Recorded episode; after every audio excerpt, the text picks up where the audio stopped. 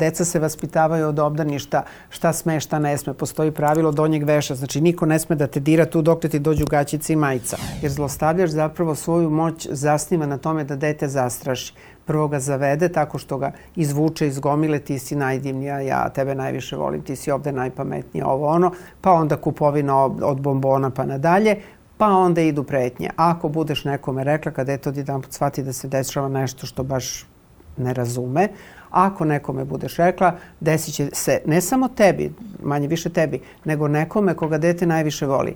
Ubiću ti majku ili nešto ću već da uradim. Znači, to dete zaledi svoje osjećanje, zato što time čuva onoga koga najviše voli. I to je sada ćutanje. Porodica mora da bude sigurno mesto, a dobro bi bilo da je porodica toliko funkcionalna da može dete da podiže sa utiskom i uverenjem i poverenjem da šta god da ti se dogodi, moraš da nam kažeš, jer mi onda možemo da te, ne moraš, nego bi bilo dobro, mi možemo da te zaštitimo. Ako nam ne kažeš, mi nemamo načina da te zaštitimo. Znači, to je prva poruka koja ide. Mi smo tu da stojimo i ispred tebe, ne samo iza tebe, najlakše je stajati iza, nego ispred tebe, mi te čuvamo. To je on. E, takvoj porodici dete može da kaže.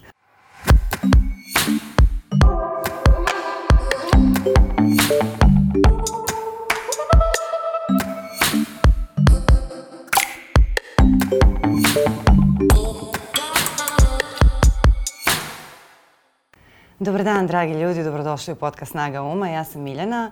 A u prošloj epizodi smo pokrenuli priču o nekim zakopanim, bolnim trenucima, o traumama iz detinstva, čak i seksualnim traumama koje se nekima dogode vrlo rano i koji mogu da se zakopaju da se otkriju u zrelom dobu. Upravo zbog toga osjećala sam odgovornost da današnju epizodu posvetimo radu na tome i posvetimo jednostavno upoznavanju sa sa ovim vrlo osetljivim temama koje nisu važne e, samo za one koji su nešto mm. loše doživeli vrlo rano, već i za sve druge e, koji treba da budu tu za svoje prijatelje, za članove porodice, za možda kolege e, koji jednostavno žele da se nađu ljudima i da budu dobri ljudi u situacijama koje su kritične. Zbog toga mi je vrlo drago što ću danas razgovarati sa psihološkinjom i psihoanalitičarkom Vesnom Brzev-Ćurčić. Vesna, dobro mi došli. Dobroveče, drago mi je da sam ovde. Uh, hvala vam uh, zaista što, što ste uspeli ovako da se organizujete. Znam da, da, su, uh, da ste i vi i vaše kolege u poslednjih nekoliko veći godina zaista pretrpani i što se tiče terapijskog rada i svega. Nekako koliko god da ima psihologa malo je za, za ove potrebe, ali kada, kada govorimo o otkrivanju trauma iz detinstva? Šta je tu najvažnije što ljudi treba da znaju? Da li postoji neki vremenski rok? To je ono što kažu sad se setila ili sad se setio. Kako, koje su osnovne? Šta je prvo što treba da znamo o tome? Prvo, ne postoji pravo vreme za to. Pravo vreme je ono vreme kada osoba koja je bila traumatizovana smogne snage ili se seti da je kroz nešto prošla o čemu je mislila ili čak i nije mislila, kažem, ako se naknadno seti. Ono što je jako važno to je da ako govorimo o seksualnim traumama, to je da taj prvi iskaz koji e, osoba daje ne bude dočekan sa nevericom. Da, mm, da li je baš tako, pa zašto nisi ranije rekla, pa šta te sada motivisalo i tako dalje. Nego da se pruži poverenje pre svega. Znači, poverenje je osnov toga da takva osoba može da uđe u proces oporavka. Oporavak je dugotrajan, traje onoliko koliko mora da traje, nije upravo proporcionalan količini vremena koje je proteklo između traume i toga da se o traumi priča, ali je neophodno vreme. Znači, ne možemo očekivati da će od tog jednog razgovora, jednog zagrljaja dobrog prijatelja ili, ili nekoga od porodice ta trauma biti izbrisana. To samo može da bude dokaz da o tome mogu da pričam, da neću biti na stupu strama, da me neće optužiti, da me neće satanizovati, da neće već sve to ružno kroz što vidimo da se dešava, da se neće dogoditi. Znači, pre svega, poverenje u iskaz onoga ko o tome govori. Da se razumemo, traume nisu lišeni ni muškarci, dečaci. I oni, jedan deo njih, prođe kroz seksualno nasilje. I to je, to je tek posebna, posebna tema do koje mere se čini da smo kao društvo posebno nesenzibilisani prema e, seksualnim traumama koje preživljavaju dečaci, e, zato što žene nekako i progovaraju, što u svojim krugovima, što u, što u javnosti. Već imamo toga dosta, a sa muške strane jedan apsolutni muk, što nekako daje do znanja da mi kao društvo još uvek nismo zreli da, da, da to prihvatimo i dalje se gradi taj neki mačo, mačo kult koji je dosta, dosta jak. Slažem se sa vama. Vi imate muškarce koji su na nekom zapadu, ajde da tako kažem, koji su onda kada su postali afirmisani, bilo da su to glumci, reditelji, ljudi iz sveta filma, književnici i tako dalje, smogli snage da o tome govore. Ali oni o tome progovore i to bude kuriozitet, tako jedna vest koja je ujeo pas čoveka ili čovek psa i muk. Znači, ono što je vezano za žene je uvek u nekom smislu možda čak i bolnije, traumatičnije za sredinu u kojoj se to desilo ili za neku širu publiku i moram da kažem više kod nekih ljudi izaziva tu neku potrebu za senzacionalizmom. Sad ćemo čuti nešto što niko nije znao ili imati čime da osmišljavamo besmislenost naših sobstvenih života. To, je te, to su te ženske suze koje, ko, koje su uvek poželjne u senzacionalističkim naslovima. Da, ako nema plakanja, smo... ako nema plakanja, onda osjećanje ne postoji. A ljudi zaboravljaju da su traumatizovani najčešće zaleđeni, zamrznuti, ako mogu tako da se banalno izrazim u nekom deep frizu svojih osjećanja i da treba mnogo vremena da bi osoba smogla snage da se rasplače. Kao da je to znak slabosti ili nešto nedozvoljeno ili hmezave žene. Uh, možemo li malo više da popričamo o samoj prirodi seksualne traume, uh, bez obzira na, na životnu dob? Uh, ne, ne znam u stvari koliko je opšte poznato i koliko se mnogo govori o tim načinima na koje možemo da reagujemo u situacijama kada se osjećamo životno ili egzistencijalno ugroženi. To je to beg, borba ili zamrzavanje. E, a to zamrzavanje opet neki psiholozi isto klasifikuju kao beg u sebe, Naravno. beg od stvarnosti, iako odsustuje svaka reakcija. Možete li malo više da objasnite to, to zamrzavanje? Jer mi se čini da je za to najmanje jednostavno prepoznata, ne, vrlo malo prepoznata e, kompleksnost toga i, i da se čak i neki simptomi tog zamrzavanja u javnosti tumače kao dokaz da je nečija ispovest možda netačna zato što se neke činjenice ne podudaraju. E, kako dođe do zamrzavanja i, i koje su njene posledice kasnije kada dođe do sećanja? Kako to izgleda? E, ja sad, možda ću vam delovati suviše opširno, ali prosto moramo da napravimo razliku između traume koja se dogodila u ranom detinstvu i traume koja se dogodila recimo u adolescenciji -hmm. ili u nekim e, zrelim godinama, recimo 20. godinama. Jasno. Znači, kod dece je to drugačije. Kod e, deca imaju neko drugo osjećanje koje je uglavnom osjećanje stida i koje je uglavnom osjećanje straha, jer zlostavljač zapravo svoju moć zasniva na tome da dete zastraši prvo ga zavede tako što ga izvuče iz gomile, ti si najdivnija, ja tebe najviše volim, ti si ovde najpametnija, ovo ono, pa onda kupovina od bombona pa nadalje, pa onda idu pretnje. Ako budeš nekome rekla kada je to jedan put shvati da se dešava nešto što baš ne razume, ako nekome budeš rekla, desit će se ne samo tebi, manje više tebi, nego nekome koga dete najviše voli. Ubiću ti majku ili nešto ću već da uradim. Znači, to dete zaledi svoje osjećanje, zato što time čuva onoga koga najviše voli. I to je sada ćutanje. Ako smogne snage da se poveri, recimo, majci ili učiteljici, a njih dve reaguju neadekvatno, kažu, ma hajde, to ti se samo učinilo, pa taj čovjek te mnogo voli, pa nije to što te stavi u krilo, nije to to. Gotovo je. Ona više nikad neće progovoriti. Možda će progovoriti nekada mnogo kasnije ako bude smogla snage da uđe u neki terapijski proces i ako bude dovoljno verovala terapeutu, poučena prethodnim iskustvom, nemoj verovati onima koje voliš, da o tome može da govori. Druga je stvar, recimo, ako se takva stvar dogodi u periodu adolescencije koja je sama po sebi hormonalna bura i gde naravno postoje i, i, i postoji ta neka seksualna radoznalost, znatiželje i tako dalje taj deo zlostavljači koriste, naročito kada se brane. Kažu, pa da, ali ona je reagovala, pa bila je, sad izvinite, ona je, pa reagovala, bila je vlažna. Pa bila je vlažna ne zato što je to njoj godilo, nego zato što su radili hormoni. To, to, ta, to, ta devojka je bila zlostavljana čoveče, koristio si trenutak ili trenutke ili periode.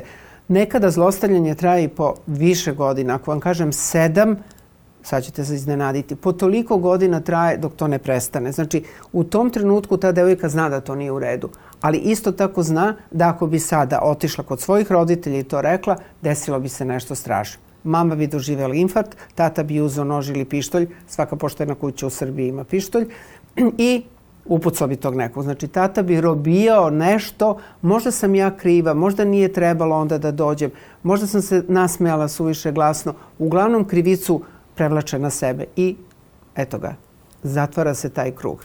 Naravno, to jako mnogo zavisi od funkcionalnosti porodice i toga koliko dete vidi, odnosno devojka vidi da porodica može da izdrži takav podatak. Ako proceni da ne može, ona to neće reći. Reći će nekada kasnije. Potpuno je druga stvar ako se to dešava nekome ko je već, da kažem, zreli, ali sva ta zlostavljanja, sem silovanja, sva ta zlostavljanja koje idu po tom principu zavođenja, izdvajanja iz mase, Takozvano grumovanje. Jeste. Sva ta zlostavljanja nose sa sobom to užasno osjećanje krivice. Silovanje je druga stvar. Ali isto tako da znate, sem ovih što iskaču iz žbunova i po podzemnim prolazima, najveći broj silovatelja su zapravo iz kruga poznatih ljudi iz kruga poznatih ljudi. Zato što oni, e, kao izostavljanje, oni imaju pristup devojčici, devojčurku i devojci. Oni imaju pristup, njima to nije zabranjeno i svima je normalno da taj neki čika ili već šta god da je ili, ili, ili e, malo stariji e, dečak Oni imaju pristup, njima je to dostupno. Tako da, uh, uglavnom se prave drame oko, oko, i treba da se prave drame oko toga šta se dešava, da ne znam, um, ovi silovatelji koji ne znam se broja žrtava ili ovi sad što šaraju po podzemnim prolazima. Da, ali je mnogo više oni koje nikada ne uhvatimo jer devojke ne progovaraju, čute. E, čutanje i zaleđivanje je zapravo jedan svojevrstan mehanizam odbrane kojim devojka čuva sebe od toga da bude izložena etiketiranju, odbacivanju, mržnji, preziru, sramoćenju porodice. To je mehanizam e, zamrzavanja. Jer ako se odledim i ako to krene, znači nisam samo ja izložena, izloženi su i oni oko mene. Izložena je cela moja porodica, svi moji prijatelji, ljudi koji su me učili u školi i tako dalje. Znači nekako ta zajednica u kojoj ona odrasla je time što se ona otvorila na neki način izložena. Ona i tako čuva. E, različite žrtve seksualnog nasilja Uh, I to se mnogo puta dešavalo, ne samo u Srbiji, uh, da, da se dogodi svedočenje mm -hmm. uh, žene ili de, devojčice uh, koja je doživjela silovanje i da se čak i u policiji to uzima protiv nje, što ona, ne znam, ukoliko danas daje iskaz, kaže on je imao crvenu majicu i kačket, pa sutra kaže imao je plavu majicu, da. pa bilo je u 8, pa je bilo u 10 i onda je to nešto što se tretira kao nepodudaranje. Da, laže i izmišlja. Uh, da li je to posledica tog zamrzavanja, zato što ne znam, kroz rad sa, sa nekim ženama koje su to, to preživele, e, mnogo puta sam čula tu rečenicu ja sam sve to gledala kako se dešava iz neke druge perspektive. Kao da se kao ne da dešava meni. Da, yes. kao da je napustila svoje yes. telo, kao da mozak u tom trenutku shvati da je to nešto što se dešava suviše strašno i da je najbolji način da preživim da ja ovo ne doživim, da se meni ovo ne Nije desi. desilo. Da meni je moj mozak rekao da se ovo ne dešava. Ja sam negde drugde, otišla sam negde drugde. Uh, I onda u toj fazi, da li je onda u toj fazi i uh, opažanje konfuzno, pa i sećanje, jer to sada nije moj prvi dan škole pa da se sećam koja mi je boja bila pernica. To nije nešto što želim da pamtim. Naravno, e, e, opažanje može da bude iskrivljeno u različitim situacijama, mm -hmm. kao što je recimo ova o kojoj govorite, koja je jedna od najtraumatičnijih. Traumatičnija je jedino smrt roditelja jeli, ili, ili deteta. Uh, I naravno da je opažanje iskrivljeno i naravno da boja u tom trenutku ne igra nikakvu ulogu i da je najmanje čega se sećaju uh, kako je taj bio odeven i koliko je bilo sati. Otkud znaju koliko je bilo sati? Možda zna kad je krenula kući. Ali baš minut u kome se to dogodilo, ona ne zna. Advokati to jako dobro znaju da koriste. I da to koriste u stvari kao argument protiv žrtve, a ne argument na osnovu koga će se shvatiti stepen traumatizovane traumatizovanosti žrtve. Ne, to je njima dokaz da se ona, da ona to može to malo izmislila, da ona se to nešto malo falsifikuje i da zapravo to što ona govori nema tu težinu koja bi bila potrebna da bi se osumnjičeni uh, kaznio. Tako da, da, uh, opažanje je jako podložno našim unutrašnjim procesima. Kako da ne? I ovako, recimo, kad, kad e, vas udari auto da, daleko bilo, ne možete da setite koje boje bio. Ne možete da se setite malte ne ni raskasnice na kojoj ste bili. To je normalno. Znači, opažanje je vrlo o, podložno našim unutrašnjim turbulencijama, ajde tako da kažem, a gde ćete veće od ove. Tako da, e, e, ono što je jako dobro, to je što se sada, naročito kad su deca u pitanju, uzima samo jedan iskaz koji se snima i e, taj iskaz je validan. Znači, ne možete vi sada da dovedete dete u sud i da se advokati obruše na njega, a zašto ovako, zašto onako, a kakve su ti bile boje gaćice, a zašto je on ovo, zašto... Ne. Dete je reklo šta je reklo, i to je to. E, ali to sad kad ali su starije osobe... Ali se to dešava sa zrelim ženama koje su bile zlostavljanje. Ali kod starih to ne, ne, nažalost ne. Pa i sa zrelim ženama koje su danas Naravno. zrele, ali su bile zlostavljane kao Kako deca. Kako može da se seti? Uh, ona i dalje ima taj, tu dečiju percepciju, iako je zrela, uh, I opet one doživljavaju te one užas, do, ta užasna ispitivanja. Jeste. I to ne samo ovde. Nažalost, ne postoji ni jedan pravni sistem koji u tom smislu baš čuva žrtvu. Videli ste kako to izgleda. I videli ste u onom pokretu Me Too koliko je e, glumica, pevačica i tih e, osoba koje su ostvarene, koje su u nekom smislu e, socijalno mnogo moćnije od recimo spremačice ili, ili, ili kelnerice, koliko su se obrušavali na njih. Ne može da se seti takvih detalja. I da li su bitni ti detalji? Čemu oni zapravo služe? Da se oslobodi počinilac, a ne da se utvrdi pravda ali e, kako da vam kažem, e, prvo teško je ljudima da shvate da se to događa. Normalnom čoveku je to teško da shvati. Vrlo, vrlo sam često vidjela... A to je isto odbrambeni mehanizam. Da, ali ne žrtvi nego da, da. okoline. Da. Ma ne preteruj, ma nije to tako, ma i onda vidite brojke koje postoji ovde.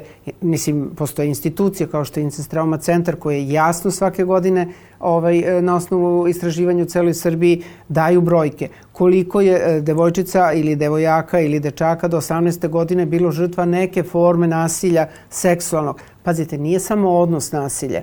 Uh, nasilje je i kada se neko pipka, štipka, uh, snima, um, izvrgava ruglu, skine vam suknju, šta god, to je nasilje. Za tu osobu koja se to dešava, to ima gotovo istu težinu kao i ovo ali mi to zanemarujemo. Kao dečija igra, kakva crna dečija igra. Znači, to su stvari gde mi ne možemo da shvatimo da se takva stvar dešava. Je to taj moment da je meni lakše da održim svoje poimanje sveta ukoliko zaključim da vi prolazite kroz neku čudnu fazu i da to što mi kažete da ste nešto doživeli, da to ste vi izmislili ili ste zbunjeni, nego da shvatim da je ovaj svet jedno duboko nebezbedno mesto i da je možda neki moj blizak prijatelj zlostavljao moje dete, da ne poznajem ljude u svom okruženju, da je možda moj kolega zlostavljač, da je ovaj zlostavljač, da je onaj zlostavljač. Je li to preveliki, uh, preveliki jednostavno pritisak pritisak na ljude i onda ljudi biraju tu lakšu opciju. Lakša opcija da je ova žena, devojčica ili ovaj dečko uh, ove, jednostavno pakostan, traži pažnju ili zbunjen ili nešto. Da, ili, to što evo, ste rekli, traži pažnju, to, hoće da. da se o njemu priča. Pazite, koji je to, uopšte dok li ide ljudska mašta da Ko ti možeš da pred, pretpostaviš da ćeš na osnovu toga dobiti, dobiti pažnju. Da, ali ljudi se zaista tako brane, ne samo od zlog sveta, A s druge strane i mi učimo decu da treba da imaju poverenja u ovo, u ono, sem da uzimaju bombone od nepoznatih čika i tako, ali nekako učimo decu da je e, škola sigurno mesto, da je kuća sigurno mesto, a recimo zlostavljena se dešava u toj kući. Ne roditelj, nego neko ko tu dolazi u posetu e, pa dođe 15 minuta ranije ili već šta radi. Znači, mi učimo decu tome da postoje sigurna mesta, a onda kada se desi da ta sigurna mesta za dete nisu sigurna, onda se mi nađemo u čudu. Nemoguće. Znači, prvo što se desi, to je neverica. To nije moguće. Kako je to? Kako je moguće? Pa evo, tako je moguće. Tako da, da, tako se branimo. Je to prvo pogrešno pitanje? Da, kada, kako je kada, moguće? Kada dođem i kažem, ne znam, zlostavljana sam, da, da je prva pogrešna stvar da mi kažete kako je to moguće. Jesi sigurna ili tako da, nešto? Da, jesi li sigurna? To. Ne kako je to moguće, nego jesi sigurna, to, to nikako. Znači, uh mhm. -huh. dovesti u pitanje iskaz žrtve, sad ja to govorim ko pravnik, činjenicu da je ta žrtva imala dovoljno poverenja da vam kaže najdramatičniju stvar koja se u životu desila je pre svega privilegija onome kome je to rečeno. I to je ne mogu da kažem poklon, ali... Odgovornost. Od, odgovornost je druga stvar. Ovo je sada privilegija. Znači, vi ste privilegovana osoba u životu žrtve koja može i sme da vam kaže, a da zna da je nećete zbog toga osuditi ili odbaciti. E sad, ako se na to reaguje time, hm, ajde, pa da li si sigurna, gotovo je. Ti večito Zatvori, nešto, da, zatvorili da, da, smo, zatvorili smo je, možda i za uvek. E, sad ću da, da, da podelim nešto što mi se u nekoliko navrata dogodilo. Uh, pošto smo govorile kako se treba postaviti kada nam se neko uh, obrati. Mm -hmm. uh, ali mislim da naročito za ljude koji imaju mladu decu, decu u, u adolescenciji, uh, to nešto do čega treba doći. I da mladi ljudi koji proživljavaju stvari, pa i stariji ljudi, vrlo vode računa o tome kako se vi ponašate po pitanju uh, pa bilo da je taj slučaj Milene Radulović ili koji god slučaj da izađe u medijima, ukoliko vi komentarišete sa nekim nepoverenjem, da su veće šanse da vam se neće poveriti jer to je jednostavno osetljiva tema i prva pomisao je pa ako ne veruje njoj, uh, a tu je tih nekih 12 žena i, i, i sve kako će da veruje meni uh, i, i tako, tako nešto. Koliko je to neko ponašanje koje prethodi uh, važno da bi se prosto stvorila ta atmosfera da, da sam ja osoba koja će te razumeti. To je važno generalno, ne samo u ovom slučaju. Znači, da. porodica mora da bude sigurno mesto, a dobro bi bilo da je porodica toliko funkcionalna da može dete da podiže sa utiskom i uverenjem i poverenjem da šta god da ti se dogodi, moraš da nam kažeš, jer mi onda možemo da te, ne moraš, nego bi bilo dobro, mi možemo da te zaštitimo. Ako nam ne kažeš, mi nemamo načina da te zaštitimo. Znači, to je prva poruka koja ide. Mi smo tu da stojimo i ispred tebe, ne samo iza tebe, najlakše je stajati iza, nego ispred tebe, mi te čuvamo. To je on. E, takvoj porodici dete može da kaže. Ako porodica komentariše na bilo koji način, ne želim da pominjem imena, ali bilo šta što je u štampi ili na bilo koji način ovaj, e, se desilo, e, to je jedan deo priče. To je štampa, to je ovo, to je sad, ajde. Ali, dete može da dođe i da kaže u školi dečaci rade to i to. Ili devojčice, pa i devojčice nasaću na devojčici, imali smo prilike da vidimo i tu vrstu zlostavljanja. Ako oni na to kažu, ma, dečija igra i tako, gotovo neće dete više da govori. Gotovo zatvorilo se. To zatvaranje je najmalignije što može da se dogodi detetu i odrasloj osobi. Ako škola ne poveruje detetu, ako škola ne poveruje, to je isto to, jer učimo dete da je u školi bezbedno. Videli smo koliko je bezbedno. Znači, eto, to, to su te neke stvari uh, zloupotrebe ili nemanja sluha ili, bolje da upotrebim jedan baš psihološki uh, pojam, nemanja empatije za tuđu tugu i za tuđu traumu. Uh, u prošloj epizodi dosta se pomenulo to pitanje srama. Mm. Uh, I ono se nije pomenulo, znači mi smo u prošloj epizodi govorili o emocionalnom nasilju, a i o traumama uh, iz detinstva. Taj duboki sram čak i zbog nečega što je nama neko uradio kad smo bili jako mali s jedne strane, a sada kada vratim film kroz različite razgovore, čak i razgovor o mobingu, dakle to su mhm. potpuno neke druge okolnosti, uh, dakle ta nameće se osjećaj srama i te neke izolovanosti da ja ne mogu nikome da kažem. Uh, iako su to potpuno različite i, i sfere delovanja i osetljivosti uh, i slično, uh, otkud taj sram? Da li je i taj sram neki odbrambeni mehanizam? Uh, šta je to? Zbog čega, zbog čega je toliko teško uh, oprostiti sebi na tom nekom podsvesnom nivou i zbog čega se zatvaramo? Uh, deca vrlo često uzimaju krivicu za ponašanje odraslih. Evo, uzet ću jedan primjer koji nije nasilje, nego je razvod. Kada su roditelji u razvodu, dete uvek smatra da je ono reklo nešto loše ili uradilo nešto loše i da zato što ono nekad jeste ili nekad ne, ne, nije nešto uradilo, zato se roditelji razvode.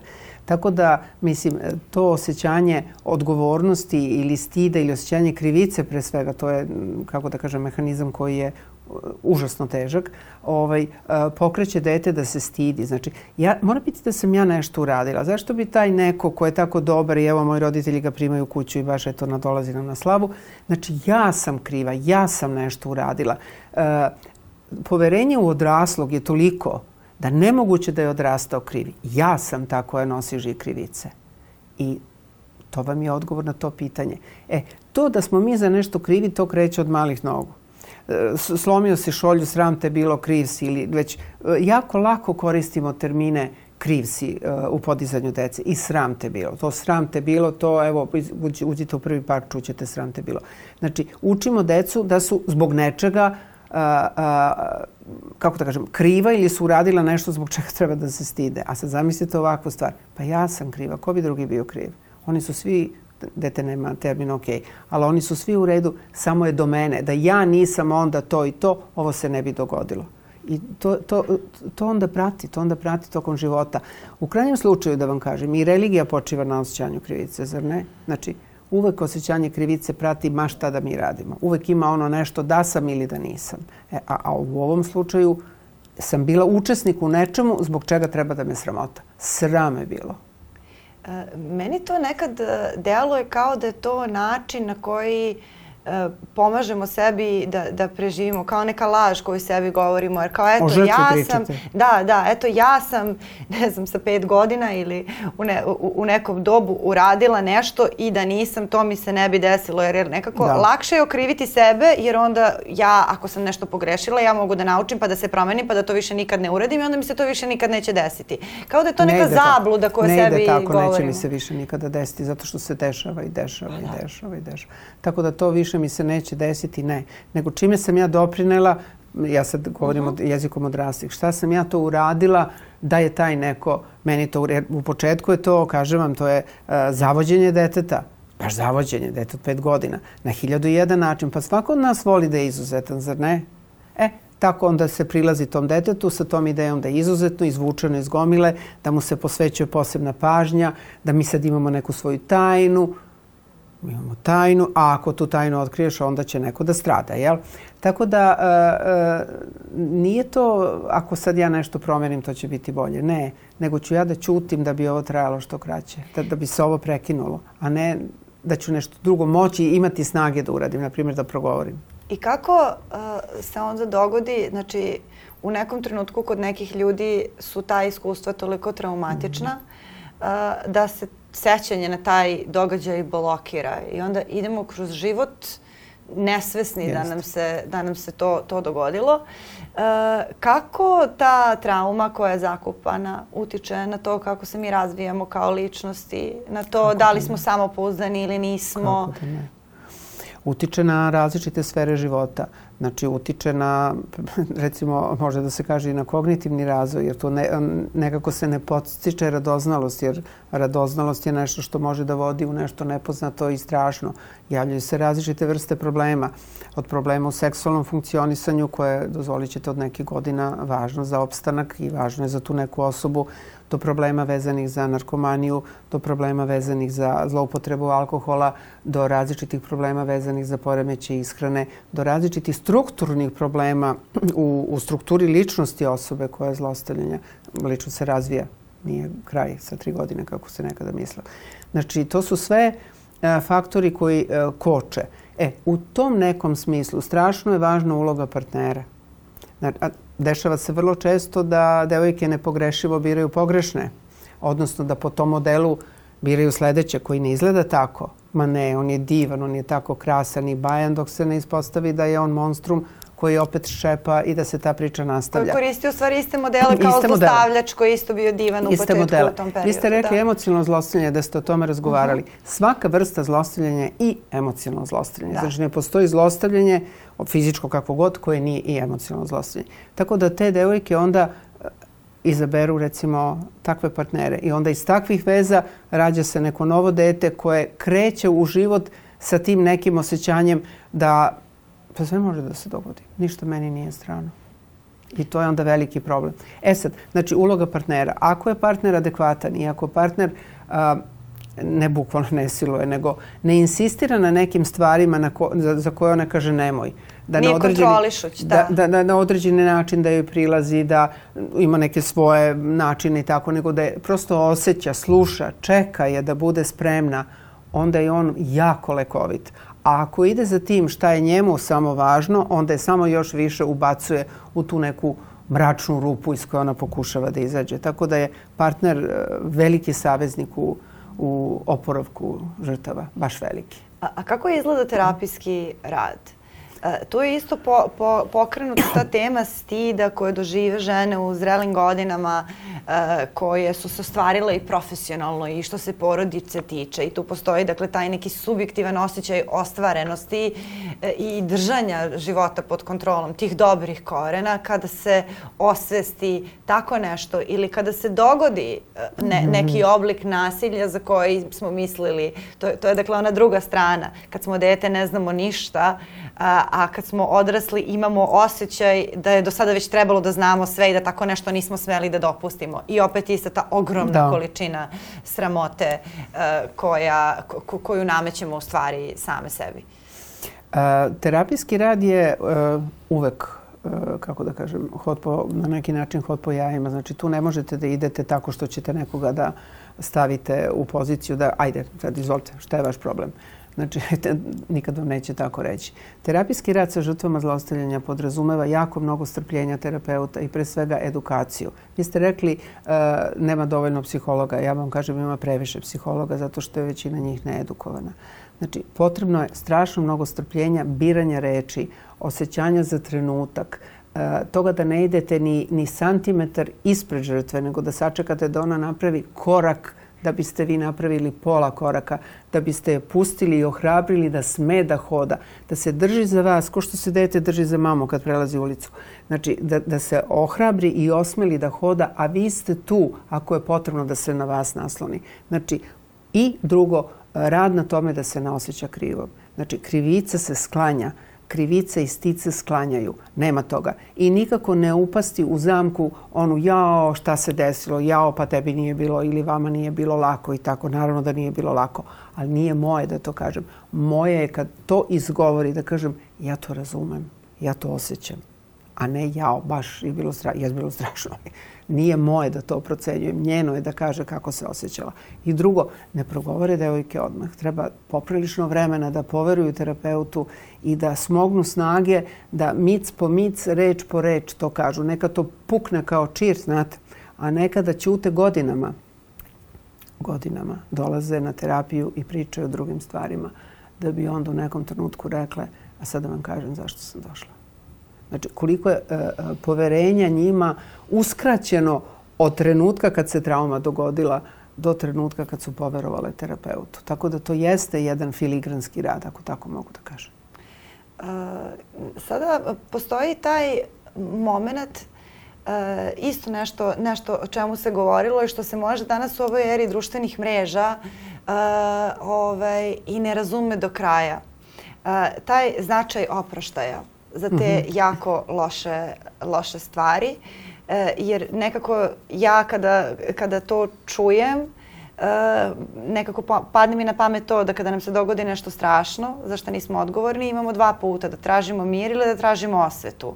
I da je poenta društva, civilizacije da nam dozvoli da tražimo mir zato što će se neki pravosudni organi, neki bezbednosti sistem pozabaviti time da krivi odgovaraju kako mi ne bismo morali da idemo da. u rat uh, za sobstveni mir jer onda ga je mnogo teško naći. E, ovaj, kako izgleda traženje sobstvenog mira u, u tom kontekstu sagledavanja strane nasilnika i, i svega toga što je toliko teško izgovoriti? A, Vidite, u, u, u terapijskoj situaciji ne bavimo se toliko nasilnikom. Uh -huh. Nasilnik je nasilnik i e, ne možemo o njemu da pričamo kad, na, kako mogu da pričamo o nekome koga ne poznajem. Ja samo vidim tu njegovu nasilničku stranu.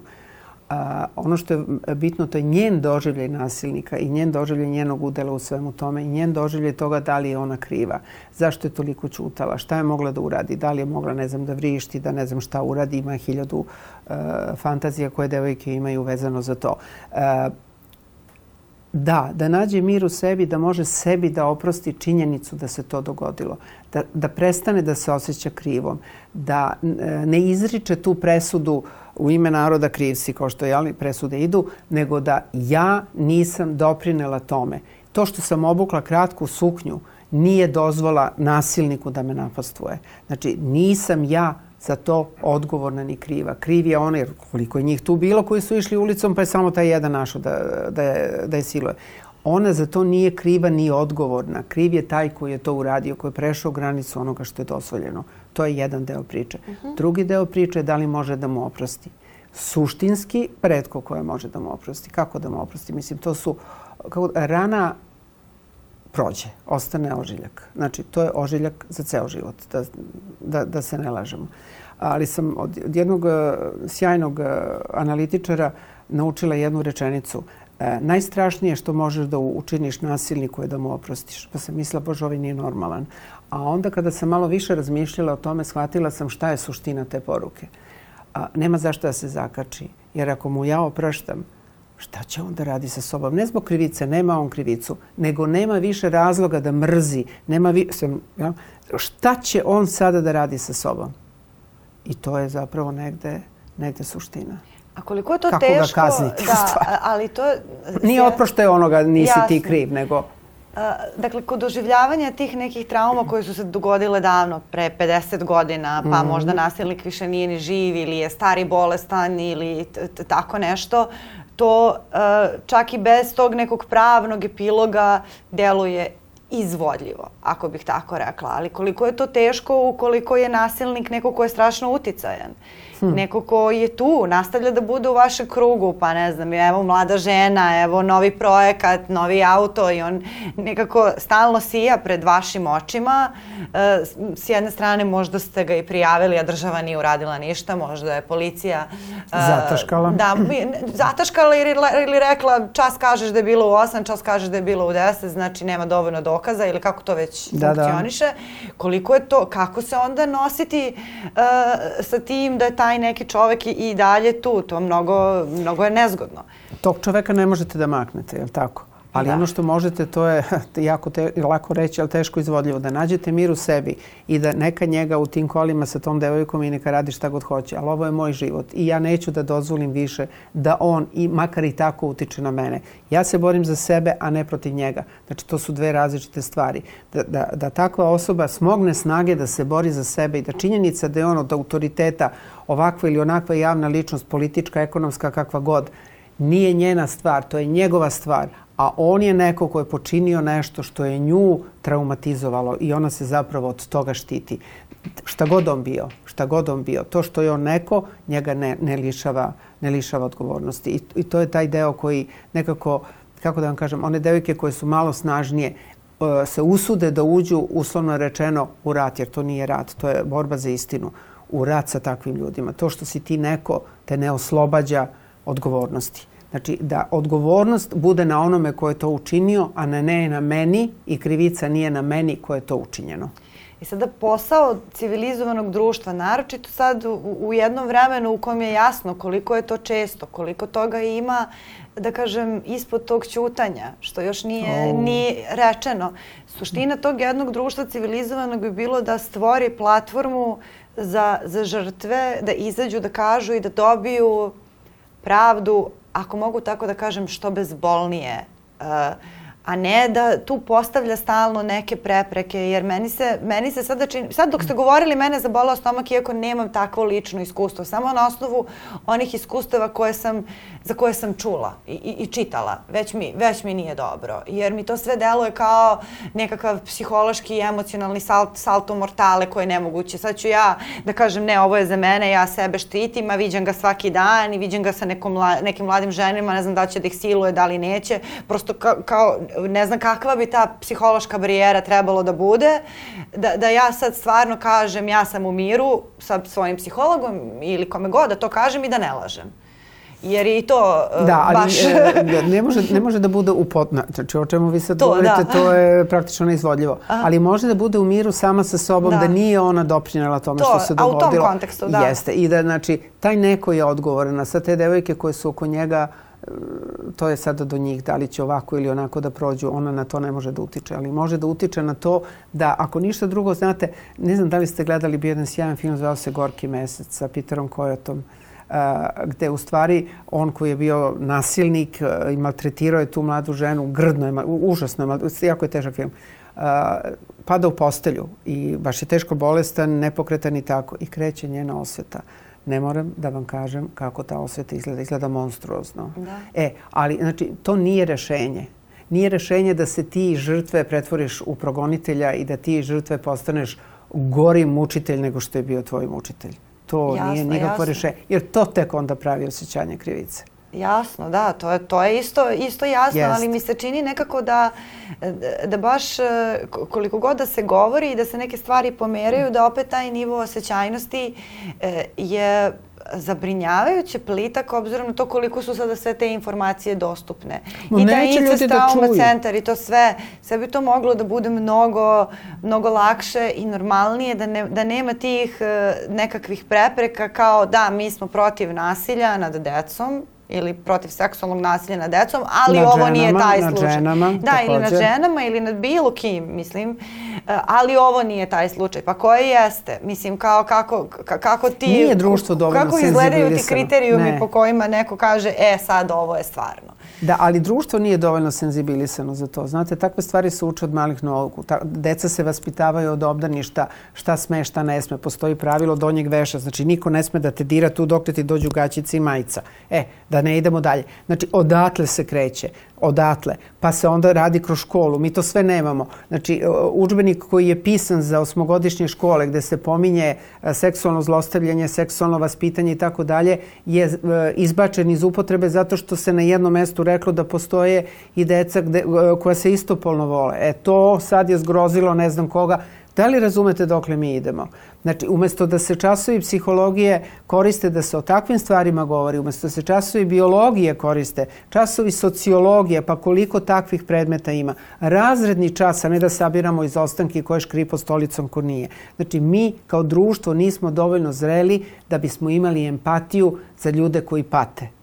Tek kad se to digne na ne znam koji stepen, E onda ćemo slati SMS poruke, ne, podrške, vi kažete društvene mreže, a onda jedni su za, drugi protiv. Oni koji su protiv, Bože me sačuvaj, pa ti su gori zlostavljači od onog zlostavljača.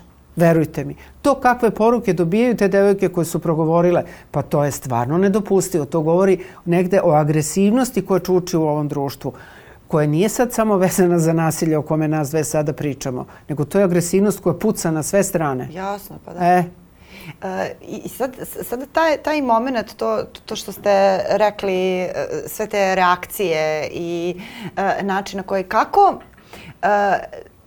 čini mi se kao da i među tim ljudima koji reaguju tako ekskluzivno, vrlo često ima nekih žrtava koje to nisu obradile. Da li i to postoji u psihologiji kao, kao termin? Jer mi se čini da, da mi sada živimo u jednom vremenu u kom se stvari su počele da se otpakuju i sada to je ta čuvena uh, poruka. Jeste, sad se svi silo, sad se sve, sve ste sada silovane. Pa kao mi tu, sad su sve da, glumice silovane. silovane. Da, sad ste sve silovane, uh, ali ukoliko se zaista otpakuje, isprše da je svaki pojedinac uh, i, i muškarac i žena, makar u nekom periodu svog života pretrpeo ili seksualno ili makar samo ogoljeno emocionalno, fizičko nasilje, nasilje na poslu, dakle neki ob, u nekom trenutku više manje će ispasti da smo svi bili žrtve i da se ne, su, ne suočavaju svi sa tom spoznajom.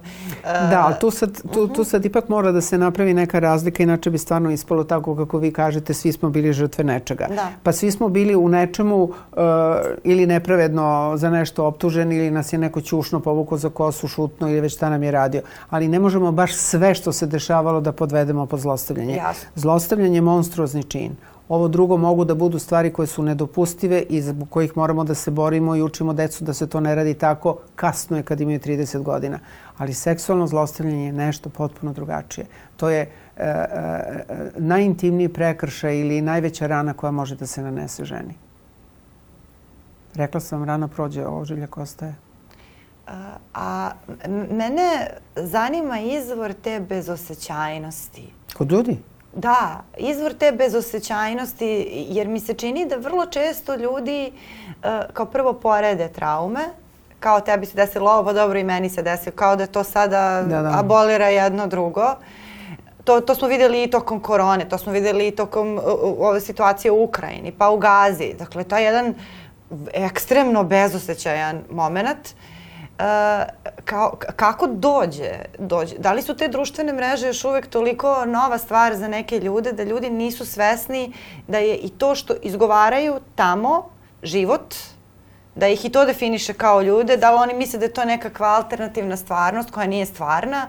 Uh, je li to bilo uvek tako, mislim? Mm, ne, nije bilo uvek tako. Negde se tokom ovih godina, pa moram da kažem i tehnološke revolucije napretka, divno je što je tako, ali negde se izgubila duša. Sad zvučim ko pop ali stvarno se izgubila duša. Ljudi su negdje izgubili dušu i više, čak i ti prizori koje viđamo iz Gazi i ti prizori koje smo, ako hoćete, viđali i na našim prostorima, ne baš tako davno, ostavljaju ljude nekako nemim ili, ili prosto nisu u stanju da se poistovete sa užasom uh, s kojim su suočeni. Tako da na taj način se štite. Ne kažem da su zli, ali se empatija kao uh, jedan uh, kako da kažem, najsubtilniji vid osjećanja potpuno izgubila. Vi nemate empatiju više za ljude. Imate simpatiju, ali empatiju ne. To, to je osjećanje koje smo izgubili. A koji je, pošto smo govorili o adekvatnom pristupu e, ko, koji bi trebalo da gajimo i prepoznamo da. kod sebe e, prema onima koji su ranjivi i koji nam se otvore sa tom ranjivošću, koji bi bio adekvatan pristup ukoliko prepoznamo bezosjećajnost kod nekoga ko nam je blizak i drag? Njemu možete da kažete Jasno. Postoje rečenice koje taj neko može da čuje. Ako ga dobro znate, znate jezik kojim on govori, način na koji razmišlja. Ali ne možete da priđete na ulici nekome za koga jasno. vidite da je bahat jer će da vas izudara. Mislim. Da, jasno, jasno. E, e, i to je taj deo gde zapravo ste e, e, ograničeni e, agresivnošću drugih ljudi. Mi smo postali agresivni ljudi. Mnogo vam hvala. Hvala vama. Uh, ove, kako se zove, ovu temu smo načeli, uh, ali se nadam da smo dali neke informacije i teme za razmišljanje za sve, jer je zaista jako i osetljiva i ovaj podcast nije terapija, nije tako ni osmišljen. Uh, ali da, može da nam da, ja se nadam da smo dali prostora za, za razmišljanje na, na ovu temu i za pre svega to, to neko preispitivanje. Da li smo baš u svakoj situaciji mogli da budemo osjećajniji da ljudi imaju u nas više poverenja, rekla bih. Hvala vam mnogo. Hvala, Hvala i vama, to smo i sledećeg ponedjeljka.